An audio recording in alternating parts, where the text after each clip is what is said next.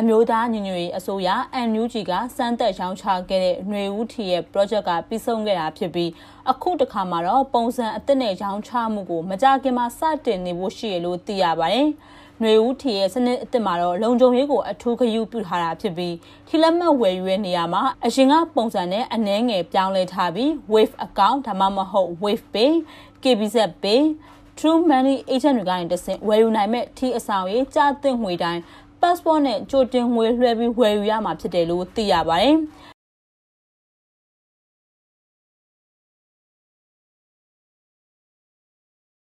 ထီကိုတော့မနက်10:00နာရီကနေည10:00နာရီအထိဖွင့်လှစ်ရောင်းချမှာဖြစ်ပြီးအရင်ကလိုခဏလေးနဲ့ထီလက်မှတ်ကုန်သွားတာမျိုးတွေရှိရမှာမဟုတ်တဲ့အပြင်ထီလက်မှတ်ရရှိတဲ့နေရာမှာလည်းပုံမမြန်ဆန်သွားမယ်လို့ဆိုပါတယ်။အောင်လန်လွှင့်ချီຫນွေဦးထီကိုတော့အမျိုးသားညီညွတ်ရေးအစိုးရ NUG စီမံကိန်းဘဏ္ဍာရေးနဲ့ရင်းနှီးမြှုပ်နှံမှုဝန်ကြီးဌာနကတော့ပြီးခဲ့တဲ့ဩဂုတ်လ15ရက်နေ့မှာစတင်ရောင်းချခဲ့တာဖြစ်ပါတယ်။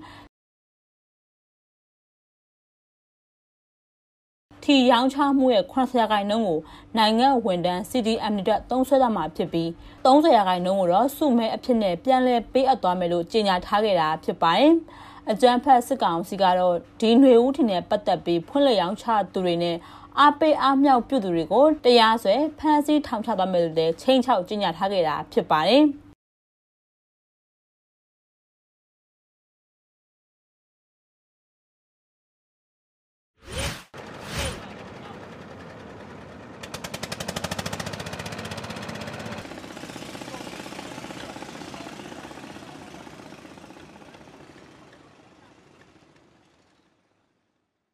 မြန်မာနိုင်ငံကအလုတ်သမားများလူအခွင့်အရေးကာကွယ်သူတွေနဲ့အလုတ်သမားတမကဝင်တွေအပေါ်ဆိုးရွားလှတဲ့အခွင့်အရေးချိုးဖောက်မှုတွေဖြစ်ပေါ်နေတဲ့အတွက်ဥရောပသမဂ္ဂ EU အနေနဲ့အရေးပေါ်အရေးယူမှုတွေပြုလုပ်ပေးဖို့ဆိုပြီးဥရောပအခြေစိုက် Industry of Global Union နဲ့ Industry of European Trade Union အလုတ်သမားများသမဂ္ဂတွေကတောင်းဆိုနေရလို့သိရပါတယ်။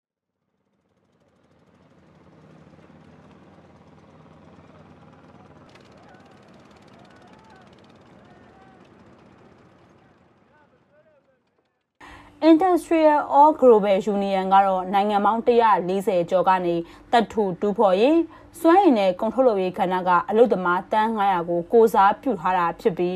Industrial or European Trade Union ကတော့ဥရောပတလွှားမှာရှိတဲ့အလုပ်သမားသမဂ္ဂ200ကျော်ကအလုပ်သမား9.1တန်းကိုကိုစားပြုရလို့ဆိုပါတယ်။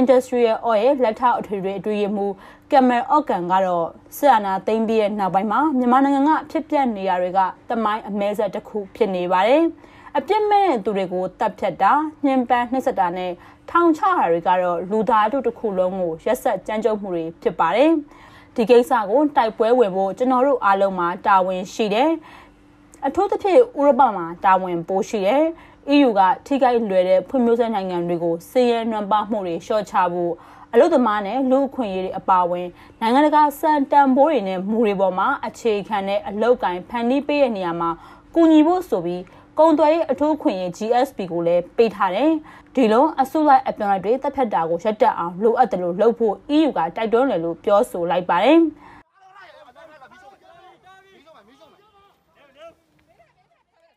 မြန်မာနိုင်ငံကအလုသမားရေးတကြွလှုပ်ရှားသူတွေကတော့စစ်ကောင်စီရဲ့ဖမ်းဆီးမှုအကြမ်းဖက်မှုနဲ့ညှဉ်းပန်းနှိပ်စက်မှုချင်းချောက်မှုတွေကိုအမြဲခံနေရတာဖြစ်ပြီးမြန်မာနိုင်ငံကအလုသမားတမတ်ကတွေကလည်းဒီမိုကရေစီကိုစန့်ကျင်ပြီးလူအခွင့်အရေးချိုးဖောက်တဲ့အာဏာသိမ်းစစ်ကောင်ဆောင်ကိုပြင်းထန်တဲ့စီးပွားရေးပိတ်ဆို့မှုတွေပြုလုပ်ပေးဖို့ကိုလည်းတောင်းဆိုနေရလဲဖြစ်ပါတယ်။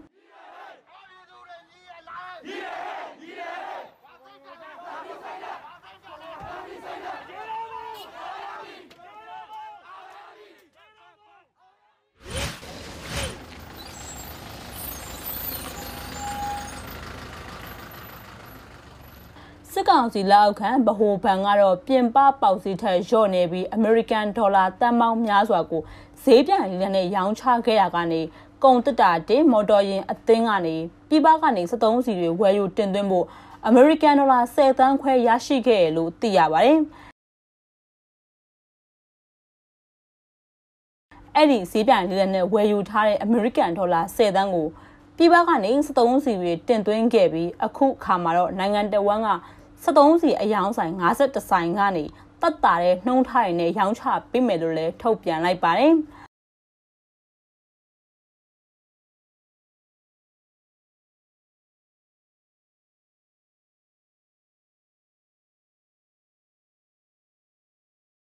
ဗဟိုဘဏ်ကတော့အခုလအတွင်းမှာဈေးပြိုင်လေးနဲ့ရောင်းချခဲ့တဲ့အမေရိကန်ဒေါ်လာတန်ပေါင်း130ကတော့ 73စီခန်းကနေခွဲရန်အဖြစ်အမေရိကန်ဒေါ်လာတန်30ခန်းရရှိထားတယ်လို့သိရပါတယ်။ခွဲရန်ရရှိတဲ့ပမာဏကိုတော့နိုင်ငံတော်ကနေအထူးစည်းလုံးနဲ့လုပ်ငန်းတွေကနေတဆင့်73စီအသုံးပြုသူတွေကိုရောင်းချပေးခဲ့ပြီးအများစုကတော့အဝေးပြေးကုန်စည်ပို့ဆောင်ပြီးအသင်းနဲ့ကုန်တက်တာတင်မော်တော်ယာဉ်အသင်းကမော်တော်ရှင်တွေ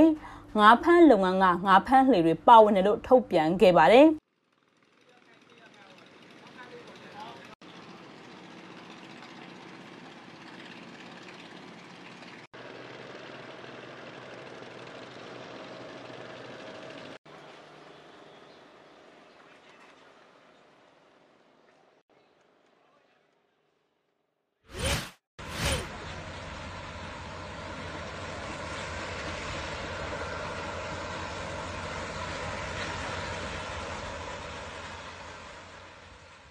တရုတ်နိုင်ငံနယ်စပ်ကုန်သွယ်မှုကနေတဆင့်ကြံအပါဝင်စက်မှုကုန်ကြမ်းစိုက်ပျိုးရေးထွက်ကုန်တွေကိုပြန်လည်တင်သွင်းခွင့်ပြုရမယ်လို့ချင်းရွှေဟော်ကုန်တယ်ကြီးများအသင်းကနေသိရပါတယ်။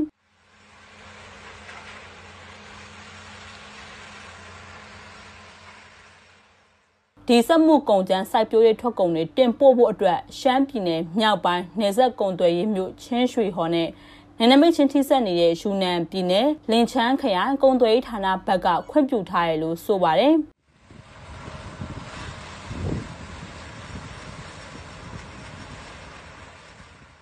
တရုတ်မြန်မာနယ်စပ်ကုန်သွယ်ရေးဂိတ်တွေကို COVID-19 ကပ်ရောဂါအကြောင်းပြပြီးတရုတ်နိုင်ငံဘက်ကပိတ်ထားပေမဲ့လည်းအခုခါမှာတော့ယူနန်ပြည်နယ်အစိုးရကမြန်မာဘက်အချမ်းကနေကုန်ပစ္စည်းတွေပြန်လည်တင်သွင်းဖို့ဆိုပြီး ချင်းရွှေဟော်နေဆက်ဂိတ်ကိုပြန်လည်ဖွင့်လှစ်ဖို့ခွင့်ပြုတာလည်းဖြစ်ပါတယ်။နေဆက်ကုံသွေးလမ်းကြောင်းတွေဖြစ်တဲ့ချင်းရွှေဟော်နေဆက်ဂိတ်ကနေတရုတ်နိုင်ငံစီကိုတော့စံပဲမျိုးစုံပြောင်းကြံငရုတ်စတဲ့စိုက်ပျိုးရေးထွက်ကုန်တွေအဓိကတင်ပို့ခဲ့တာဖြစ်ပြီးတရုတ်ဘက်အချမ်းကတော့မြေရောစာစားတောက်ကုန်နဲ့ဆောက်လုပ်ရေးပစ္စည်းတွေကိုတင်သွင်းခဲ့တာပါ2019-2020ဘဏ္ဍာနှစ်မှာတော့ချင်းရွှေဟော်နေသက်ဂိတ်ကနေ ပို့ကုန်အနေနဲ့အမေရိကန်ဒေါ်လာတန်ပေါင်း430ခန့်ရရှိခဲ့ပေမဲ့လေ2020-2021ဘဏ္ဍာနှစ်ရဲ့ဩဂုတ်လမှာတော့ပို့ကုန်တန်ဖိုးကအမေရိကန်ဒေါ်လာတန်ပေါင်း340ကျော်ပဲရရှိခဲ့တာဖြစ်ပြီးနှစ်နိုင်ငံကုန်သွယ်မှုမှာတော့အမေရိကန်ဒေါ်လာတန်100အထိလျော့နေခဲ့တာလည်းဖြစ်ပါတယ်။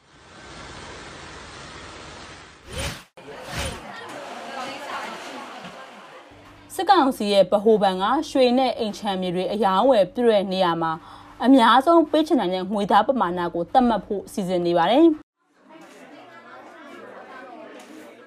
ဒါကိုအော်တိုဘာလ26ရက်နေ့ကစစ်ကောင်စီလက်အောက်ခံပြည်တွင်းအခွန်ငွေကြေးဆိုင်ရာစုံစမ်းထောက်လှမ်းရေးအဖွဲ့အပါအဝင်ရွှေလုပ်ငန်းရှင်များအသင်းအိမ်ချမ်းမြေဝန်ဆောင်မှုအသင်းဗန်အသင်းကုန်တယ်စက်မှုအသင်းချုပ်နဲ့စစ်ကောင်စီဗဟိုဘဏ်ဒုတိယဥက္ကဋ္ဌဒေါ်တနန်းဆွေတို့ကတွဲဆုံဆွေးနွေးခဲ့ရလို့ဆိုပါတယ်။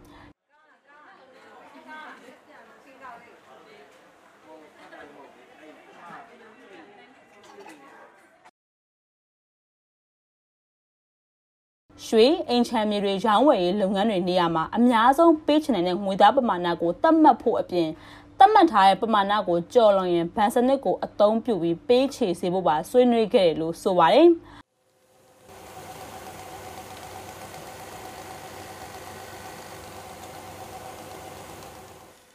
လက်ရှိမှာတော့ဘလောက်ပမာဏသတ်မှတ်ထားရှိမယ်ဆိုတာကိုတော့ဆွေးနွေးနေကြဆဲဖြစ်ပြီးတရားဝင်အတည်ပြုနေတာမရှိသေးဘူးလို့လည်း YGE အသင်းကဆိုပါတယ်။လက်ရှိမှာတော့ဆွေးနွေးတဲ့အဆင့်မှာပဲရှိနေသေးတာဖြစ်ပြီးသက်ဆိုင်ရာအသင်းအဖွဲ့တွေနဲ့ကုန်တယ်ဆက်မှုအတကြတို့တွဲဆုံပြီးဗဟိုဘဏ်ကိုလည်းပြန်လည်တင်ပြရမှာဖြစ်တဲ့အတွက်ချက်ချင်းသတ်မှတ်ဖို့ကတော့မဖြစ်နိုင်သေးဘူးလို့သိရပါတယ်။